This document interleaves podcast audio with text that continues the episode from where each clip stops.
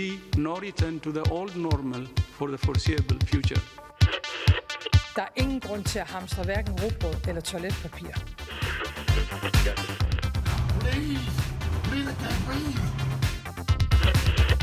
No politician in history has been treated worse. To use this beautiful game to actually change the world. поблагодарить всех, кто сделал свой ответственный выбор.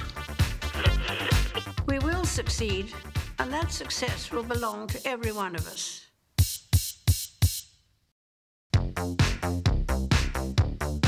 Góðan dag kæru hlustendur, þeir eru að hlusta á heimskviður. Ég heiti Guðmundur Björn Þorpjursson. Og ég heiti Birta Björnsdóttir. Í heimskviðum er fjallað um það sem gerist ekki á Íslandi.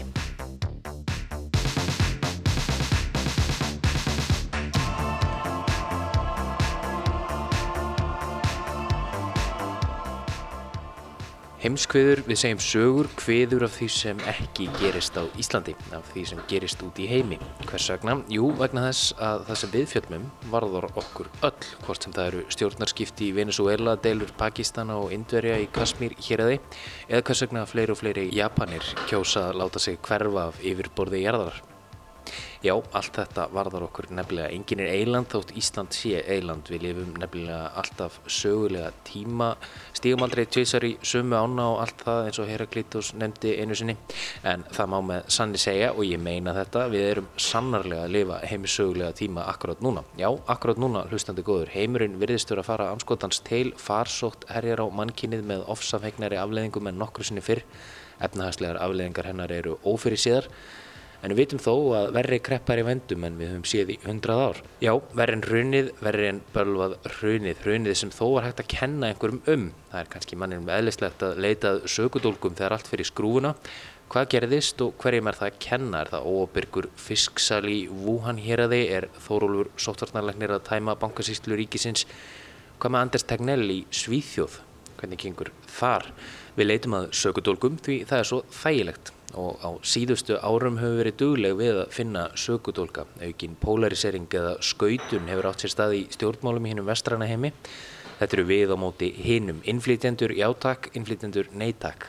Loftslagsbreytingar eru á valda því að jörðin er að eðileggjast. Neytak, ég vil ekki heyra þetta. Fylgtu tákin hjá mér, takk. Meðalvegurinn er horfinn og hvergir frákvarf hans sínilegra en í heimkynum hinna frjálsu, bandaríkjunum. Þar er sökudólkur síðustu fjögur ára komin með bakið upp við vegg. Sökudólkur segi ég, já, sökudólkur í augum cirka helmings kostningabæra bandrækjumanna, að minnsta kosti. En í augum hinna er hann eitthvað allt annað. Það komið að skuldadögum segja þeir sem ákjara hann, verjundur og hans segja nei, nei, nei, nú er ymmit komið að því að gera bandrækjun frábær á ný. Sökudólkur síðustu fjögur ára segi ég, maðurinn sem kvekti í heiminum og samfélagsmiðlum sömu leiðis, Nero spilaði á fiðlu þegar Róm brann Donald Trump í eittir Big Mac inn í Sötnarberginu í Kvítahúsinu og tekur nokkuð símtöl á meðan Melania sefur á sínu greina eira hinum einn. Já, hlustandi góður, þú veist hvert þetta er að fara. Fórsetakostningar fóru fram á þriðudagin í bandaríkjunum og niðurstur þeirra eru ekki ljósar. Það veist þú, jafnvel og við byrta, annars værir þú ekki að hlusta á heimskuður. Nei, en þú hlustandi góður gæti verið að hlusta vegna þess að þú vilt fá púlsin á þessu öllu saman. Hvað gerðist og hvers vegna? Þú spyrði það því og við sömu leiðis. Þegar við Guðmundur Björn sitjum inn á kaffehúsi og tökum upp þannan þátt að mótni förstudagsins 7. november eru nýðustuðu kostningana í bandaríkjunum en ekki að fullu ljósar.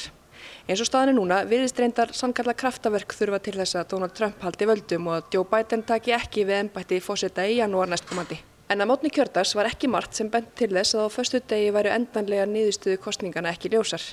Flest bendi til þess að Joe Biden færi með sigur á holmi, skoðanakanni bendi til þess en svo kom annað á daginn. And CNN projects Donald Trump will carry the state of Florida. With its 29 electoral votes, Donald Trump wins Florida. A huge win for Donald Trump. That's his second home in Florida. Donald Trump will carry... Já, fyrstu stóru fréttir kvöldsins voru ánefa þegar flestir miðlar greindu frá því að allt benti til þess að Donald Trump færi með sigur af hólmi í Florida, ríkinu sem hann kallar sitt heimaríki. Einmitt, vita var að ef Trump tapaði Florida var þetta nokkurn veginn búið spil fyrir hann.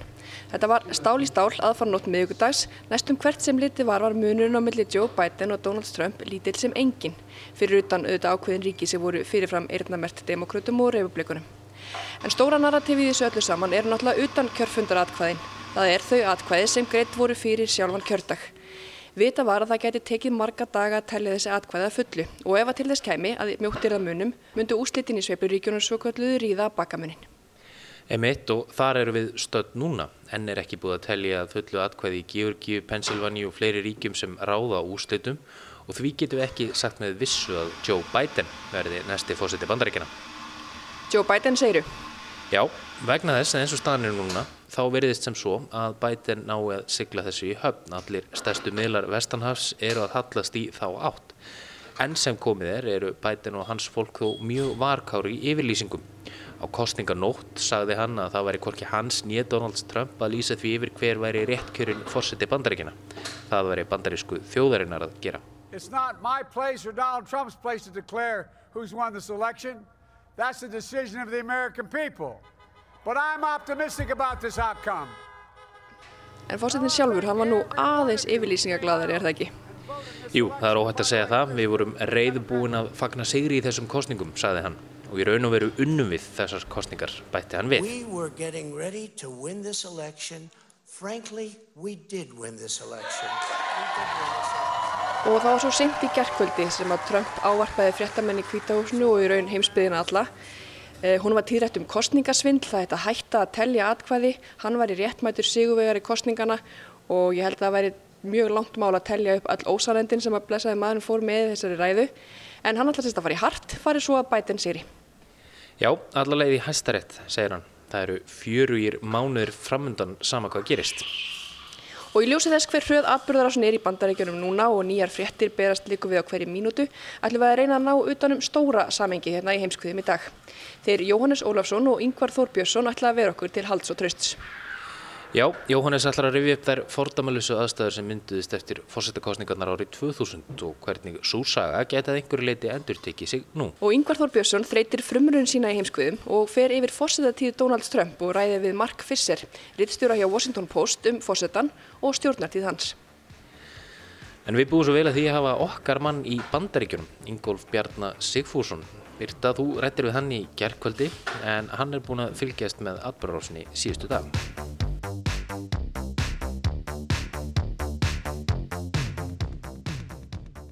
Nei, við erum öll að fylgjast með framvindin í bandaríkjunum en þú ert á staðnum. Þú lístir því fyrir kjördag að vestlunareigendur væri að byrja fyrir glugga til að vera viðbúinir mótmælum og óerðum. Hvernig hefur þetta verið?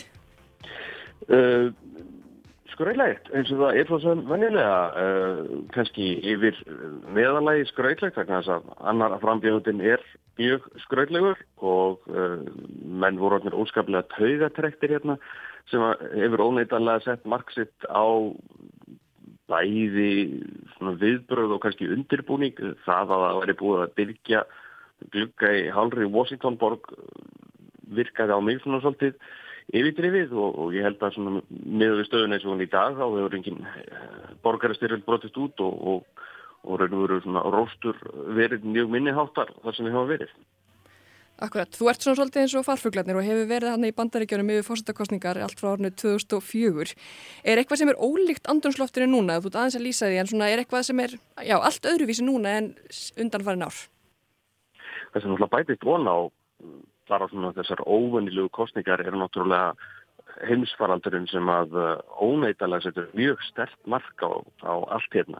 Uh, það er eiginlega alla kæftur og ferli sem ég hef aldrei upplifað. Washington er stjórnsýsluborgar, hún er líka ferðamannaborg, hann eru bæði mjög flott söfn, eh, ekki síst Smithsonian söfnin eh, og, og mm, fallegir garðar og, og minnisvarðar sem fólk er tölverð. Það eru alltaf stappaða fólki og skólahópum og hvaðina og núna voru við til dæmis neyru við Lincoln minnismerkið í gær og það voru kannski 50 manns þar og ég hef aldrei séð það á þér.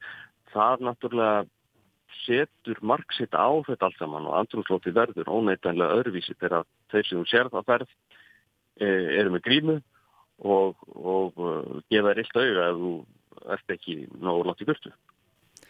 Akkurat. Þegar við tökum þetta upp núna þá vitum við náttúrulega ekki alveg hvernig niðurstaðan verður en fyrir þá aðeins í smá leik, ef að bætin verður fósiti, hvernig búi tekur hann við að Donald Trump? Hann náttúrulega tekur við svona dándi löskuðu stjórnkerfi þar sem að óneitanlega er búið að rafa inn fólki og ræða inn og henda út og rafa þá öðrum inn kannski fólki sem að Trump telur að hlýði sér, fari að sínum vilja. Það er náttúrulega sem algengt og, nánast reglan að, þeir sem eru pólitísk skipaðir hætta þegar að nýjir fórseti tekur við, sem verður þá í janúar. Stjórnkveð er líka dálítið svona tómlegt vegna þess að fjórum árum síðar hefur einhverlega ekkert verið skipað í alla stöður og sögumar stofnarnir hafa verið lagt þar bara svona svolítið nánast fjara út.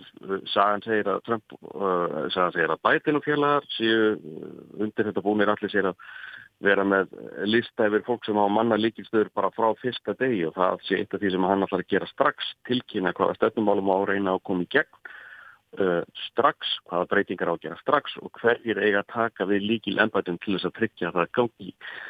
Kannski eitt, eitt sem að mun svælast fyrir Biden sem ég er ekki vissum að hann og hans menn hafi reiknað við nýðan vissum að Bjart sínuna sem var í, í þeirra uh, herbúðum framöttir og það er að það stefnir að stýja republikanar haldi meiri hluta í öldungöndildinni uh, sumir heldur að, að uh, þeir fengi nú á baugin uh, annars vegar myndi þeir skjálta fyrir óvinnsaldir Trumps og hins vegar er það um dýrkeitt að hafa ákveðið að setja hættarættadómara í ennbætti bara nokkur dögum fyrir kostningar en það er ekki að sjá. Þetta er tæft og meirlutin verður ekki að digur og hann var áður en við sínist allt þetta ég fyrir haldónum samt Einmitt, þá verður bætundaldi svona þraungur stakkur skorinn og hann verður kannski sömu sporum og uh, Obama, góðvinnur hans, var á sínum tíma Já, og ef að republikanar lítast á að svo stefna sem þeir hafa keitt á þar að segja að uh, gefa raun og veru skít í þessum að uh, demokrater vilja og, og algjörlega hunsa það sem að fórsettin vil koma í gegnum þingið og stoppa bara nefnilega allt, já þá verður allt stopp. Þá verður þetta erfitt og þá er bætin aftur komin í þá stöðu sem Obama var í og sem að uh, Trump var svona upp á vissumarki eða það er að nota tólið fórsetta tilskipun. Trump notaði þetta tölverð og hann hefði fyrst á svegi yfir notkun Obama á því. Það eru tilskipanir sem að fórsetin getur beitt en þær hafa eru nú bara gildi þar til að fórsetta tíðans líkur að því þá kemur einhver annar á annar í skoðun og vil gera hlutin öðruvísi. Það er náttúrulega ekki æskilegt líðræði sem að virkar svona að, að flokkarnir séu svo fórhertir í afstöðu sinni að það sé ekki nokkuleið að tala saman finna málafölum. Ef að þetta verður bætinn sem verður fórseti þá er hann alltaf með svona ákveðu orðbór sem stringur uh, samningamæður á þingi, maður sem hefur átt auðvöldara með það kannski vegna þess að hann er búin að vera aðna lengi að semja og, og ná yfir flokka gjána sem þetta er orðið. En svo náttúrulega en þá möguleiki að því að það verði Donald Trump sem hefur verið fórsetið. Það er minni líkur á því en það er alls ekki útlóta. Akkurat og það var svona næsti leikur sem við ætlum að fara í. Ef að Trump tryggir sér annað kjörtímabil, hvernig næsti hefur hann smurt sér til þeirra ferðar sjálfur? Já, það, alltaf við sjáum þá ekki Trump í öðru veldi. Ef hann er aukþess með öldungadeild sem er honum leiðitömm, þá er honum býstna margir vegið færir. Uh, Kanski verða helst hann sjálfur sem myndið þvælast fyrir sér. Uh, svona politísku millatir hérna að vestra hafa sagt að hann sé þegar komið skotlista, lista yfir það ennbættismenn sem hann ætlar að reka um leið og, og, og endur kjörleiku fyrir vegna þess að þeir hafa ennfallega ekki verið náðu hlýnir uh, yfir maður alrikis lauruglunar FBI, Gina Haspel sem stýris uh, leinþjónustinni CIA uh, Mark Esper sem er vatnamálur á þeirra hugsanlega fleiri sem eru einfallega ekki, hafi ekki gert eins og hann segir. Þeir eru úti. Og það er líka svona, ég var að segja í hefbundum skilningi í líðræðisríki ekki þannig sem að hlutinir hefur virkað, þannig svona frekar þannig sem þetta virkar í, í, í allraðisríkjum eða harstjöfnaríkjum kannski í Östur-Európu þætti þetta að vera ekki óvenjulegt en í bandaríkinum sannlega og ef þetta er það sem að gerist þá uh, þá, þá verða breytingarna sem þegar hafa orðið undanfærin fjór ári vegna Trumps þær mun ekki bara fæsta sig í sessi þær verða í öðru veldi. Þetta er ennþá ætti spennandi, sér þið fyrir þér að komast heim í bráð? Ég, ég er svona farin að, ég er eiginlega farin að býða bara, sko, sjá þess að heimkomur svo hví í hyllingum vegna þess að þá fæ ég kannski að sofa smá þess.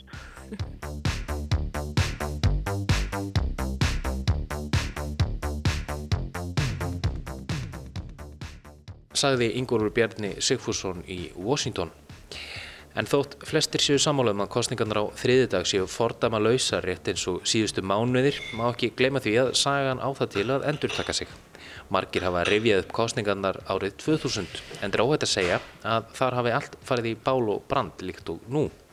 Þá voru kostningarnar mjög tvísínar og niðurstöðunar vóu sall allt þar til endurtalning fór fram sem síðan fór fyrir domstóla.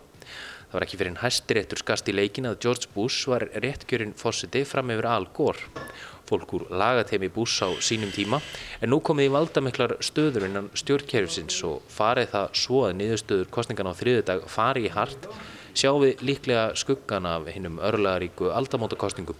Er Trump búin að vera skipulegja þessa flettu í tvö ár? Jóhannes Ólfsson leytast við að svara þeirri spurningum.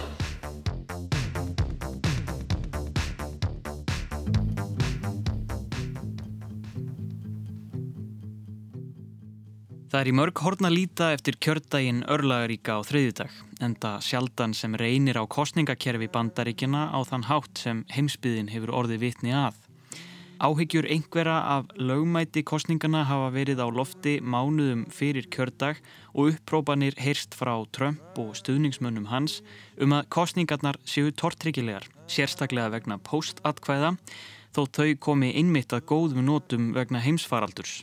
Gjarnan er talað um sögulegar kostningar og í mörgum skilningi var þessi vika söguleg vestanhafs. En sagan er sífælt að endurtaka sig þótt fólki finnist eitthvað að vera gerast í fyrsta skipti.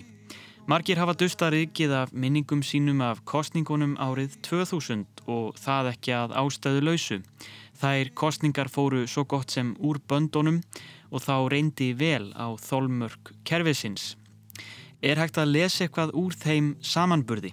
Og gefa kostningarnar þá eftir vil mynd af tveggja ára langtíma áætlun og kænsku Donald Trumps eða republikana í hans einsta ring til þess að tryggja endurkjör fórsetans og fjögur ár í viðbót.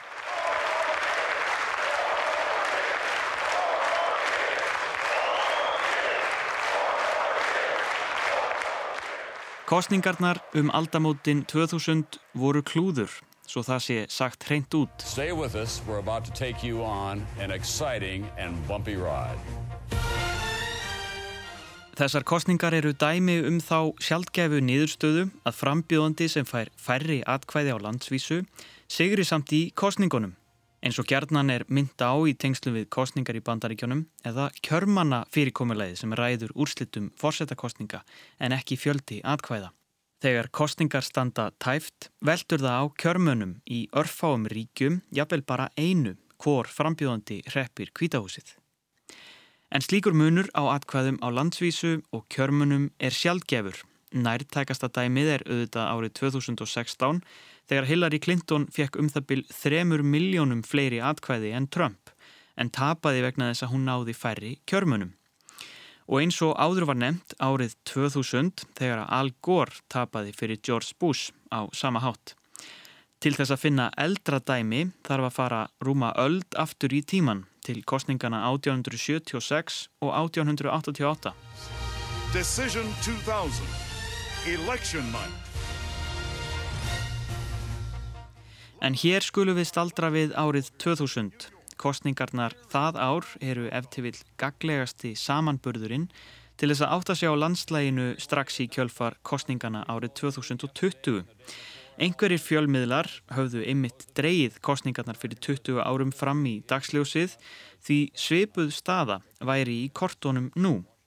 Í kostningunum örlaðaríku um aldamótin munaði svo mjóu að það stóð í raun á einu ríki, Flórida, hver stæði uppi sem sigurveri. Bush eða Gore og það aðeins á nokkur hundruð atkvæðum. Segja mætti jafnvel aðeins einu hæstaréttar atkvæði. En talning atkvæða í Flórida var einmitt upphaf vandræðana árið 2000. We're going to uh, now project an important win for Vice President Al Gore. NBC News projects that he wins the 25 electoral votes in the state of Florida. Engin eiginleg yfir kjörstjórn er í bandaríkjónum og þegar tölur berast gerist það mestuleiti í gegnum fjölmiðla sem tilkynna sigurvegara jafn óðum og tölur berast án þess þó að öll kurl séu í raun komin til gravar. Laung hefð er fyrir því að sá frambjóðandi sem sér fram á að tapa eða finnist einfallega ekki þess virði að tegja lopan mikið lengur, viðurkenni ósigur ofinberlega.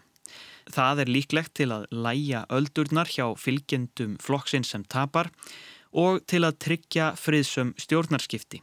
Sá sem tapar gefur leikin eins og sannur íþróttamæður og kallar í staðin eftir því að nú flikki þjóðin sér á bakvið nýkjörin forsetta og brúi pólitískar gjár í samvinnu til þess að vinna að bættum hag allara. Árið 2000 urðu miklar sviftingar í tilkynningum fjölmiðla um sigurvegara. Það flakkaði frá því að Gór væri að vinna yfir í óvissu, yfir í að Bush væri að vinna og aftur yfir í óvissu. And the Bush campaign is now contesting the projected victory for Al Gore in the state of Florida. We have colored that blue for Al Gore. If Florida is being contested and that gets it back in play, we shake up the map all over again. Doris, Doris, Doris. Uh-oh, something's happened. George Bush is the president-elect of the United States. He has won the state of Florida according to our projections. Það kom sá tímapunktur að Al Gore gaf leikinn. Hann ringdi í George Bush og óskaði honum til hamingju. I've just gotten off the phone. It is in fact true that the vice president has called to recant his concession. I'm on the phone now on hold. Það dró hann reyndar tilbaka þegar ljóst var að kostningarnar voru mun tvísýtni en hann hafi gert sér grein fyrir. Það var vegna niðurstöðu í einu ríki, Flórida, Gore átti líklega enn möguleika. Look at this in Florida. Here we are, 99% of the vote in. Uh, we have projected it obviously for George W. Bush. Good grief. Look at that. 11. 11. That, that means automatic recount. Yeah, 11,000 votes. It's less than a half a point. Í Flórida lendu kjörstaðir í mörgum umdæmum í tæknilegum vandræðum. Kostningavélar sem klippa göt á kjörseðila fylltust af afrifum þannig að kjörsæðlar voru ekki mertir á fullnægjandi hátt og í öðrum umdæmum voru óveinumarkir ógildir seðlar þar sem talið var að villandi uppbröðun á kjörsæðli hefði orsakað ruggling meðal kjósenda. Markir höfðu því endað á að merkja við tvo frambjöðundur. Þegar ljóst var að talning atkvæða væri hugsanlega raung og niðurstaða kostningana því óljós, krafðist gór endurtalingar og dró ósegurs yfirlýsingu sína tilbaka. Frestur til endurtalingar var fyrst gefinn til 14. november en Gore fekk hæstarétt í Flórida til að framlengja. All right, we're officially saying that Florida is too close to call because of a recall uh, campaign and voter uh, counters are being called back to work to count uh, absentee ballots. Will that be going on throughout the evening? Á meðan baráttan um að endur telja í Flórida stóð var George Bush og hans teimi vitanlega ekki sátt með stöðuna og þétt setinn bekkur lögfræðinga sáum að reka mál hans víða til þess að tryggja að það erði hætt að telja og Gór hætti að vera svona tapsár eins og margir anstæðingar hans sögðu. Herferð var sett af stað til að viðfengja endurtalninguna og mótmæli brutust út sem settu þrýsting á að útkljá málið. Að herferðinni stóð meðal annars Roger Stone nokkur sem mikið hefur verið milli tannana á fólki í stjórnartíð Trumps. Hann hafði oft starfað sem klækjarefur í kostningabaráttu fyrir republikanaflokkin. Lögfræði teimi Bush náði á endanum að skjóta málinu til hæstaréttar sem neytti domstól Flórida til þess að láta málið niður falla og stöðva talninguna. Rök hæstaréttar voru að endurtalning í aðeins fáum umdæmum væri brot á stjórnarskrá. Staðan í hæstarétti var 5-4 bús í vil og var hann því rétt kjörinn fórseti þegar málinu laug í desember og tók við ennbætti samkvæmt venju í janúar 2001. Please raise your right hand and repeat after me. I, George Walker Bush, do solemnly swear. I, George Walker Bush, do solemnly swear. That I will faithfully execute the office of President of the United States. That I will faithfully execute the office of President of the United States. And will to the best of my ability. And will to the best of my ability. Preserve, protect, and defend the Constitution of the United States. Preserve, protect, and defend the Constitution of the United States. So help me God. So help me God. Congratulations. Einn helsta ástæðan fyrir því að verðt er að rifja upp þessa örlagaríku atburðarás árið 2000 er að hún sínir vel að þegar að tæft stendur í kostningum í bandaríkjónum getur lítil þúfa velt þungu hlassi. Þá er gott að vera vel undirbúin.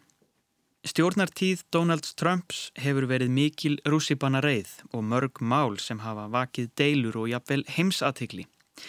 Engverjir hafa eflaust velt því fyrir sér hvað af því sem Trump gerir og segir sé gert af ásetningi og hvort hann hafi haft skýra áætlun til þess að ná endurkjöri.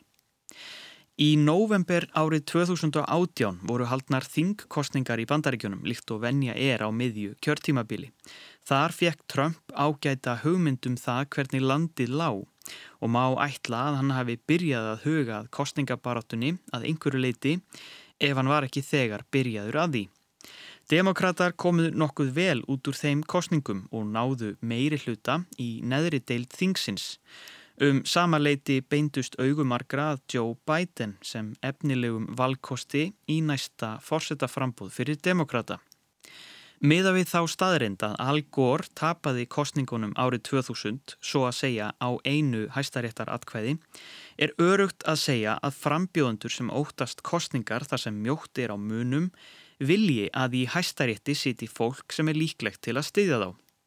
Trump hefur skipað nokkuð marga dómara á sínum fjórum árum í ennbætti, þar á meðal þrjá hæstaréttardómara. Neil Gorsuch tók sæti árið 2017, Brett Kavanaugh árið 2018 og nú síðast Amy Coney Barrett rétt fyrir kjördag 2020. Skipun þeirra síðast nefndu vakti í bæðiskiptin deilur.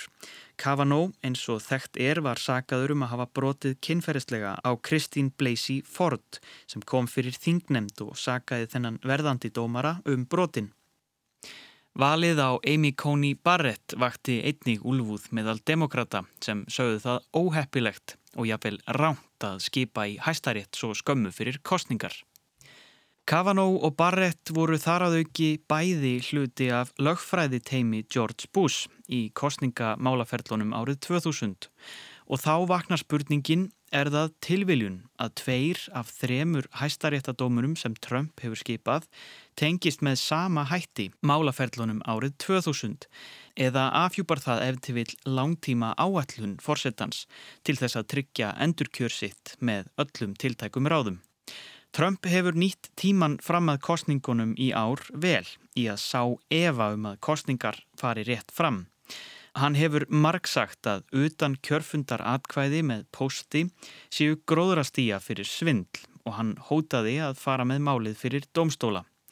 Einnig hefur hann gefið óljós svör um hvort hann ætli yfir höfuð að sætta sig við niðurstöðuna. Seks af nýju dómurum í hæstarétti bandaríkjana má telja íhaldsmegin eins og staðan er núna sem er bísna gott að vita af sem sitjandi íhalsfórseti með alltaf veði í kostningum. Og það að tveir þeirra hafi beina reynslu af málaferli tengdu tvísínum kostningum er sérstaklega hendugt. Draga mætti þá álíktun að ríkistjórn Trumps hafi verið við öllu búin sama hvernig færi og að best væri að tryggja allar vikstöðar áður en gengið yrði til kostninga.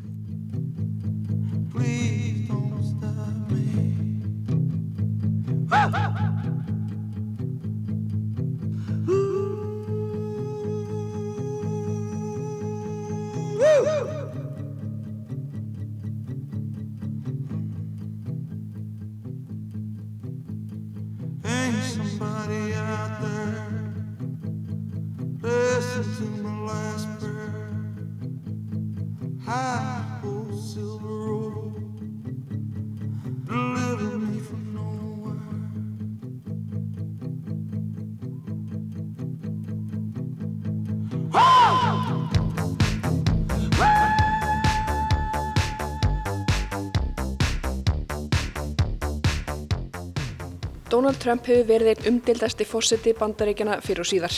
Það virðist þó ekki hafa komið niður á vinsældumann sem marka má stuðning við hann í ennbætti.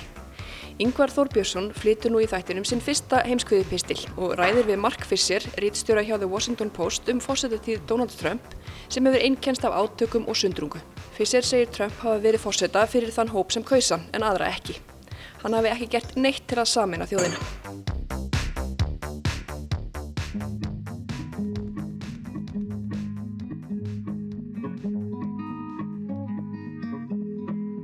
They're bringing drugs, they're bringing crime, they're rapists. I want to build the wall. We need the wall. We have some bad hombres here, and we're going to get them out. You've called women you don't like fat pigs, dogs, slobs, and disgusting animals.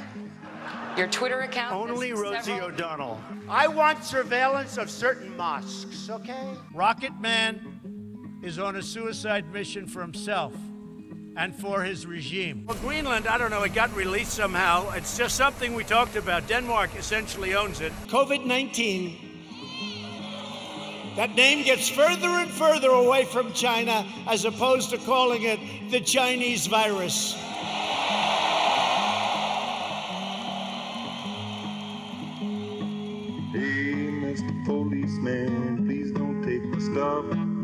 Cost me too much money, and it probably ain't enough to get me through election day. Didn't I hear you say, but it's alright, it's alright, it's alright. Það hefur sjaldan verið loktmótla í kringum Donald Trump bandaríkjafósita. Hann er umdeildur og óutreiknanlegur og í þessi tefla fjögur ár sem hann hefur setið á fósitastóli hefur sjaldan verið róleg stund í kvításunum. Fósitatíð hans hefur engist af gífur og hnjóðsyrðum, átökum við fjölmila og pólitíska anstæðinga, ásökunum um misbeitingu valds, óeirðum, sundrungu og nú síðast slælegum viðbröðum við koronavirufaraldrinum. Bandarist efnaðslíf var þó í blóma í byrjun árs og það virtist alltaf skila Donald Trump langt í baróttunum fósitaembættið. Heimisfaraldurinn átti eins og var heldur betur eftir að setja strik í reikningin.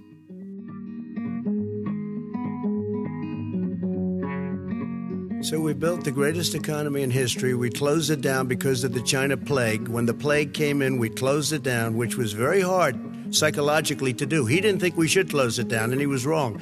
And again, two million people would be dead now.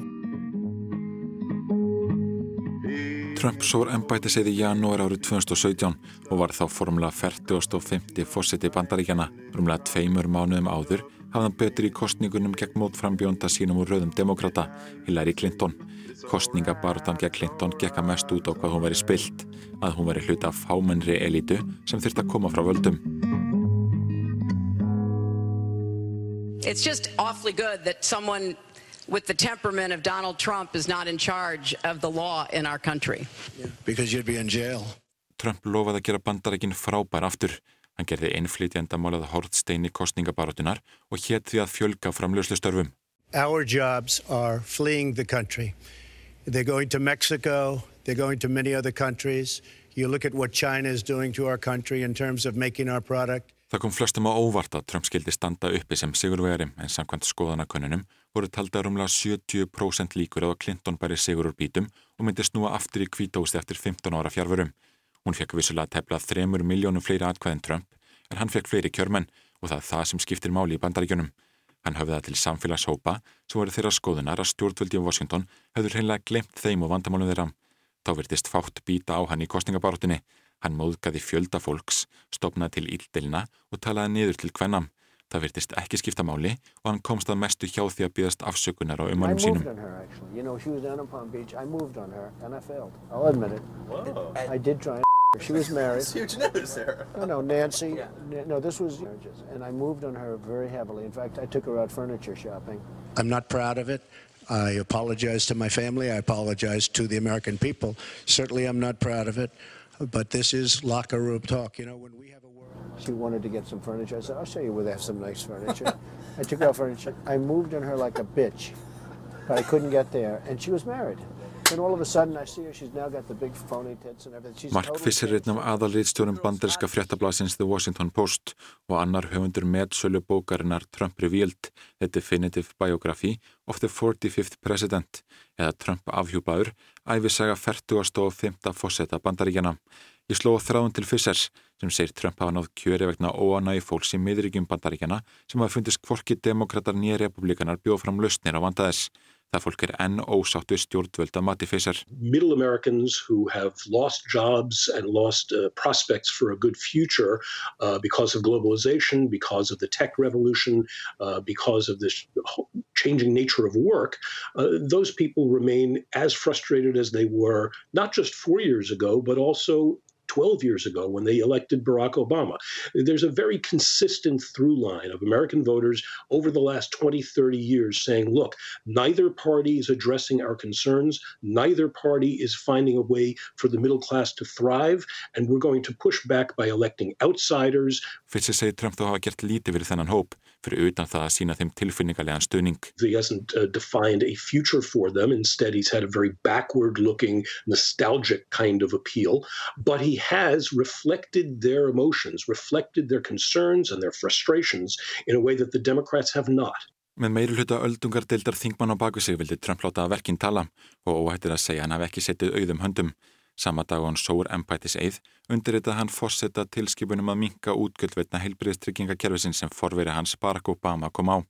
Hugmyndin var að lámarka efnaðslega byrði þess þar til nýtt og betra kerfi tæki við. Og þetta var einungis ein af tólf tilskipunum sem hann gaf út strax fyrstu vikuna í embætti. Hann skrifaði til að mynda einnig undir tilskipun um að reysa múr eftir endurlungum landamörum Bandaríkin á Mexiko eins og hann hafði ítrekkað lofað í kostningabartunni.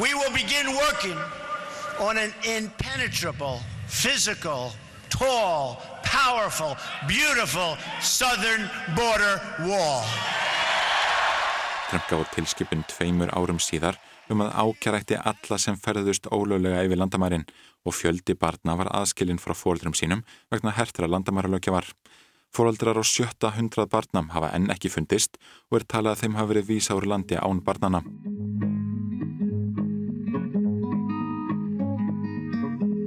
Fyrstu vikunni í ennbætti sett hann einni fram drauga starfs áallinu loftasmálum þar sem framkoma nöðslegt væri að afnema íþingjandi reglugerðir sem miðið að því að draga úr mengun. Trump átti síðar eftir að draga bandarækin úr Parísarsáttmálanum um aðgeri gett loftasbreytingum af mannavöldum. Look at China, how filthy it is. Look at Russia. Look at India. It's filthy. The, the air is filthy. The Paris Accord, I took us out because we were going to have to spend trillions of dollars and we were treated very unfairly. Hey, Mr. Policeman, please don't take my stuff. It cost me too much money and it probably ain't enough to get me through election day. En þrátt fyrir að orðstýr landsins hafi oft beðið nekki vegna framkomi fósittans hefur stuðningur við hann heldur stöðugur öll hans ári í ennbætti eða rúmlega 40%. Segir hann einfallega vinsalan hjá sínu fólki, sama hvað, sérstaklega á meðan demokrataflokkurinn setur kvorki fram frambjóðundur sem tala til þessa hóps. when you have a democratic system and you have a celebrity uh, who is extremely talented at manipulating media uh, at the at the helm of a party, it is very difficult for the other party to fight back with policy. Policy does not match up well against a charismatic personality uh, who's willing to break all the rules. Byrjum á lítið á það sem samflokksmenn fórsetans hafa kallað pólitíska sigur hans á síðustu fjórum árum. Trump hefur skipað þrjá hæstaréttardómar á fósitatíð sinni, Brett Kavanaugh, Neil Gorsuch og Amy Coney Barrett. Nú eru því sex íhaldsamir dómara við hæstarétt bandaríkjana og þrýr fráslindir. Dómaratnir eru ráðnir ævi langt og hefur Trump því tekist að óbreyttu að var langvarandi áhrif á dómskerfið og stjórnmálinn íhaldsfólki í vil. Þá hefur hann skipað 220 dómar í embætti allríkisdómara og 53 dómara við áfríðanda dómstólastíðið. Til samanburðar skipaði Barack Obama 55 dómara á 8 árum. Fórsetanum tókst einnig að koma einnig viðamestu breytingu sem gerð verið á bandarísku skattalögjöfin í ríflega 30 ári gernum öldungadeildina. Lögjöfin kom á umtalsverum skattalækkunum sem engum hafa nýst fyrirtækjum og hinnum efna meiri í landinu. Það fikk Trump lof bæði frá samherjum og anstæðingum þegar hann undirritaði hinn að svo kalluði First Step Act lögjöf í desember fyrir tveimur árum. Lögin eigi að fækka fangelsisvistöðum, bæta aðstöðu fanga og áhersla lögð á að fyrirbyggja að fanga leiðist aftur út í glæpi að fangelsisvist lokinni. Fyrirverandi fangar eiga nú rétt á að sækjum félagslegt húsnæði og er gert auðveldur að fá störfað afplánun lokinni. Lámas refsing fyrir ímis fíkn efna lagabrót var lækkuð og ekki má lengur setja unga fanga í einangrun. Einnig má nefnam þegar eftir um pólitíska sigra fósitans að Abu al-Baghdadi, stopnandi og leiðtói hriðjuverka samtakana Íslamska ríkisins, fjalli ára á spandaríkja hans í Sýrlandi á síðasta ári. Trump segir það hafi reitt af helstu markmiðum stjórnan hans og að Baghdadi hafi grátið og öskrað á flótta undan hermununum.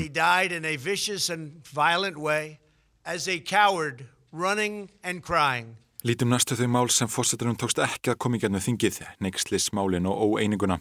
Trump var í byrjun ás þriðji fósitinn sem hefur verið ákæru til embættis missis fyrir að hafa misbeitt valdi sínu. Trump var grunaður um að hafa haldið næri 400 miljón dólar af varnar aðstóð til Úkrænu þar til þarlend stjórnvöld samþjótt að hefði rannsókn á Joe Biden. Þá var hann einnig ákjörur fyrir að hindra framgang rannsóknar fulltróðadeildarinnar og misbeitingu valds. Trump var síknaður af öldungadeildinni og þótti það til margsum að þingmenni republikanaflokksins stæði við baki ánum. It's a witch hunt, it's a sham, it's a hoax. Uh, nothing was done wrong. Bandarist efnaðarslíf var í blóma í byrjun ás og atvinnuleysi sögulega lítið. Það eitt og sér virtist ætla að skila Donald Trump langt í baróttunum fósitæmbætið en koronaviru faraldurinn átti heldur betur eftir að setja stryk í reikningin.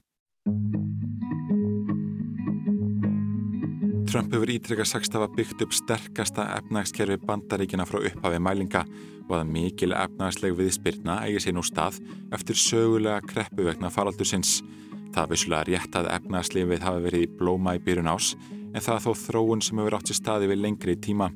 Hagvöxtur í bandaríkunum hefur verið um 2,5% á ári síðastleginn þrjú ár en það var 2,3% á ári í fósitatíð Obama. Í februar var hlutfall atvinnulausra í bandaríkinu þar legsta sem það hafi verið í rúmlega 50 ár eða 3,5%. Þess ber þó að geta 7 miljón ístörf voru sköpuð á síðustu þremur árum Obama í ennbætti, samanborið við 6,4 miljónir starfa á fyrstu þremur árum núverandi fósita. Mark Fisher bendir jáfnframt á að hafvöxtur hafi verið að aukast og atvinnuleysi að minka á heimsvísi á síðustu árum þó hafi stefna skapa á þeim svæðum þar sem hann lofaði þeim. But some of it was indeed his effort to bring some jobs back, uh, to uh, remove regulations, environmental regulations, for example, so that uh, more jobs did actually pop up uh, in some of the places where his political base live. Uh, so he was successful at that, but the virus and the shutdown of the economy uh, completely dismantled that success. Joe Biden hefur sagað Trump og stjórn hann sem að hafa gefist upp í baráttunni að COVID-19 farsóttinni. Viðbröð bandaríkja stjórna við útbreyslu veirunar einkendust til að byrja með að því að gera lítið úr þeirri hættu sem stafar af veirunni og síðan hafa viðbröðin einkennst af stefnuleysi og slælegum vinnubröðum. Hverki annar staðar hafa fleiri kórunaveiru tilfelli greinst. Tæfla 9,5 miljón bandaríkjumanna hefur smitast og rúmlega 232.000 manns hafa látið lífið af völdum sjúkdómsins. Bandaríkja fórseti stopnaði verkefna hóp í lóki januar sem hefur haft að hlutverka skipuleggja aðgerðir sem hefur að fækka smitum og breyðast við áleðingum faraldusins. Trump hefur sagt að aðalmarkmið hópsins sé núna að opna landið að nýju á sem örugastan hátt. Þá lofaði hann bóluefni sem enn bólar ekkert á. Year, weeks, Trump var sjaldan grímu á kostningafundum sínum í haust og gerði lítið að því að hvetja til grímu nótkunar. Fósittin gerði líka grína Joe Biden fyrir að breyða sér helst ekki úr húsi grímu laus. But did you ever see a man that likes a mask as much as him? And then he makes a speech and he always has it, not always, but a lot of times he has it hanging down. Because you know what? It gives him a feeling of security. If I were a psychiatrist, Vísindamenn við Stanford Háskóli í Kaliforníu byrti í vikunni niðurstöður ansóknar á áhrifum fjölda samkoma á útbreyslu farsóttarinnar. Þar kom fram að að líkindum mætti reykja um 30.000 COVID-19 smitt og 700 döðsföll til fjölmæðra kostningafynda fósitans. Mark Fisher segir Trump markvist hafa gert lítur alvarleika faldusins og annarkvort ekki tekist eða ekki viljað hafa samúð með þeim sem vektust. Það skipti stöðnusmenn hans hins vegar litlu máli. He's unwilling or unable even to express empathy toward those who've been affected by the virus, which should be the easiest thing for any politician to do. That's mm-hmm. that's their core talent is connecting with people, and he's unable to do that. Mm-hmm. Uh, and nonetheless, uh, we see that for about half of Americans, that's okay. Uh, and so they would rather that he express their rage and their frustrations than that uh, he resolve or curb the virus. Staðan hefur beint aðtegli fólks að heilbreyðiskerfinu sem hefur undir miklu álægi vegna faraldusins. Trump lofaði að afnema núverandi heilbreyðistryggingakerfi, Obamacare, sem var ætlað að bæta heilbreyðistjónust í bandaríkjunum, fækka ótreyðum einstaklingum og herða reglur og eftirlit með sjúkra tryggingum fyrirtækja. Það tókst ekki þrátt fyrir nokkrar tilrunir. Fyrst segi Trump hafa lítinn sem engan áhuga á því að koma á öðru kerfi. He'll continue to get uh, some mileage out of uh, attacking the current health plan, uh, and he'll continue to promise that there'll be a new one, just as he promises that he'll release his tax returns or build a wall with Mexico and that they would pay for all these other promises that he makes that are great rhetorical points for him, but he has no interest in devoting the time to actually creating policy that could shift things. Kórunuveiran er þó ekki það eina sem hefur engjent þetta kostninga ár. Mótmæli og óeirðir hafa verið nánast daglegt brauð eftir að lauruglumadur var George Floyd að bana í mæ síðastlinum. Mótmælendur hafa krafist úrbóta vegna kerfisbundis rasisma og lauruglu óbeldis.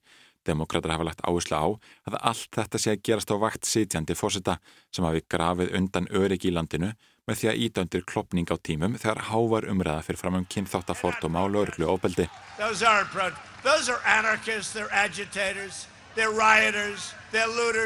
Viðbröð fórsetans við kerfisbundnum rasisma var einni í brenni deppli þegar þjóðerni sinnar og öfga hægri hreyfingar komið saman í borginni Sjárvaldsvili ágúst árið 2017. Það slói brínu á milli þeirra og annara sem komið til að mótmæla samkominni og kona ljast þegar ný nazisti óg bíl sínum í gegnum þögum mótmælendan. Trump sagði gott fólk hafi verið í báðum hópum. You also had people that were very fine people on both sides.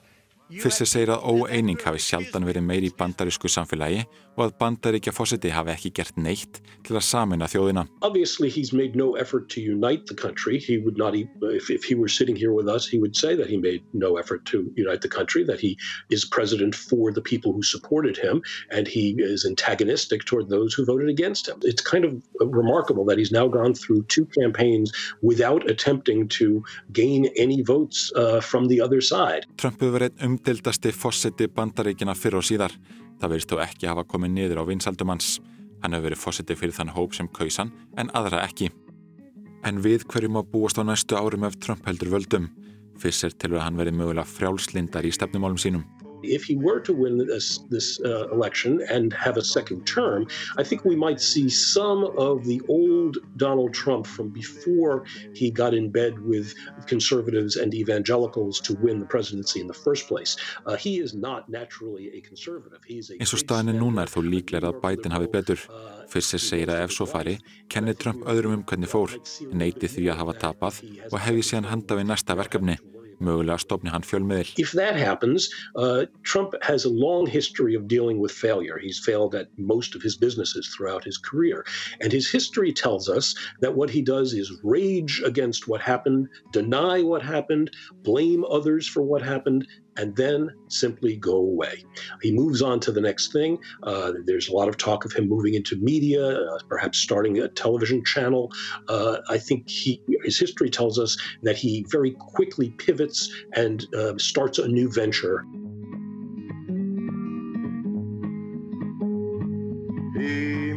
Policeman, please don't take my stuff. Cost me too much money, and it probably ain't enough to get me through election day. Didn't I hear you say it's alright, it's alright, it's alright?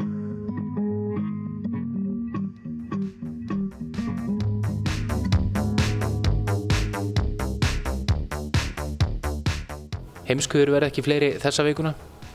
Í næsta þætti ætlum við að fjalla um eitthvað allt annað en bandaríkinu, eða ekki? Jú, ég held að sé alveg komin tími til þess, menn þanga til má hlusta á alla þætti heimskuða í spilaranum á rúf.is, nú eða í öllum helstu hlaðvarpsveitum. En við þökkum þeim sem hlítum. Og heyrumst aftur í næstu viku.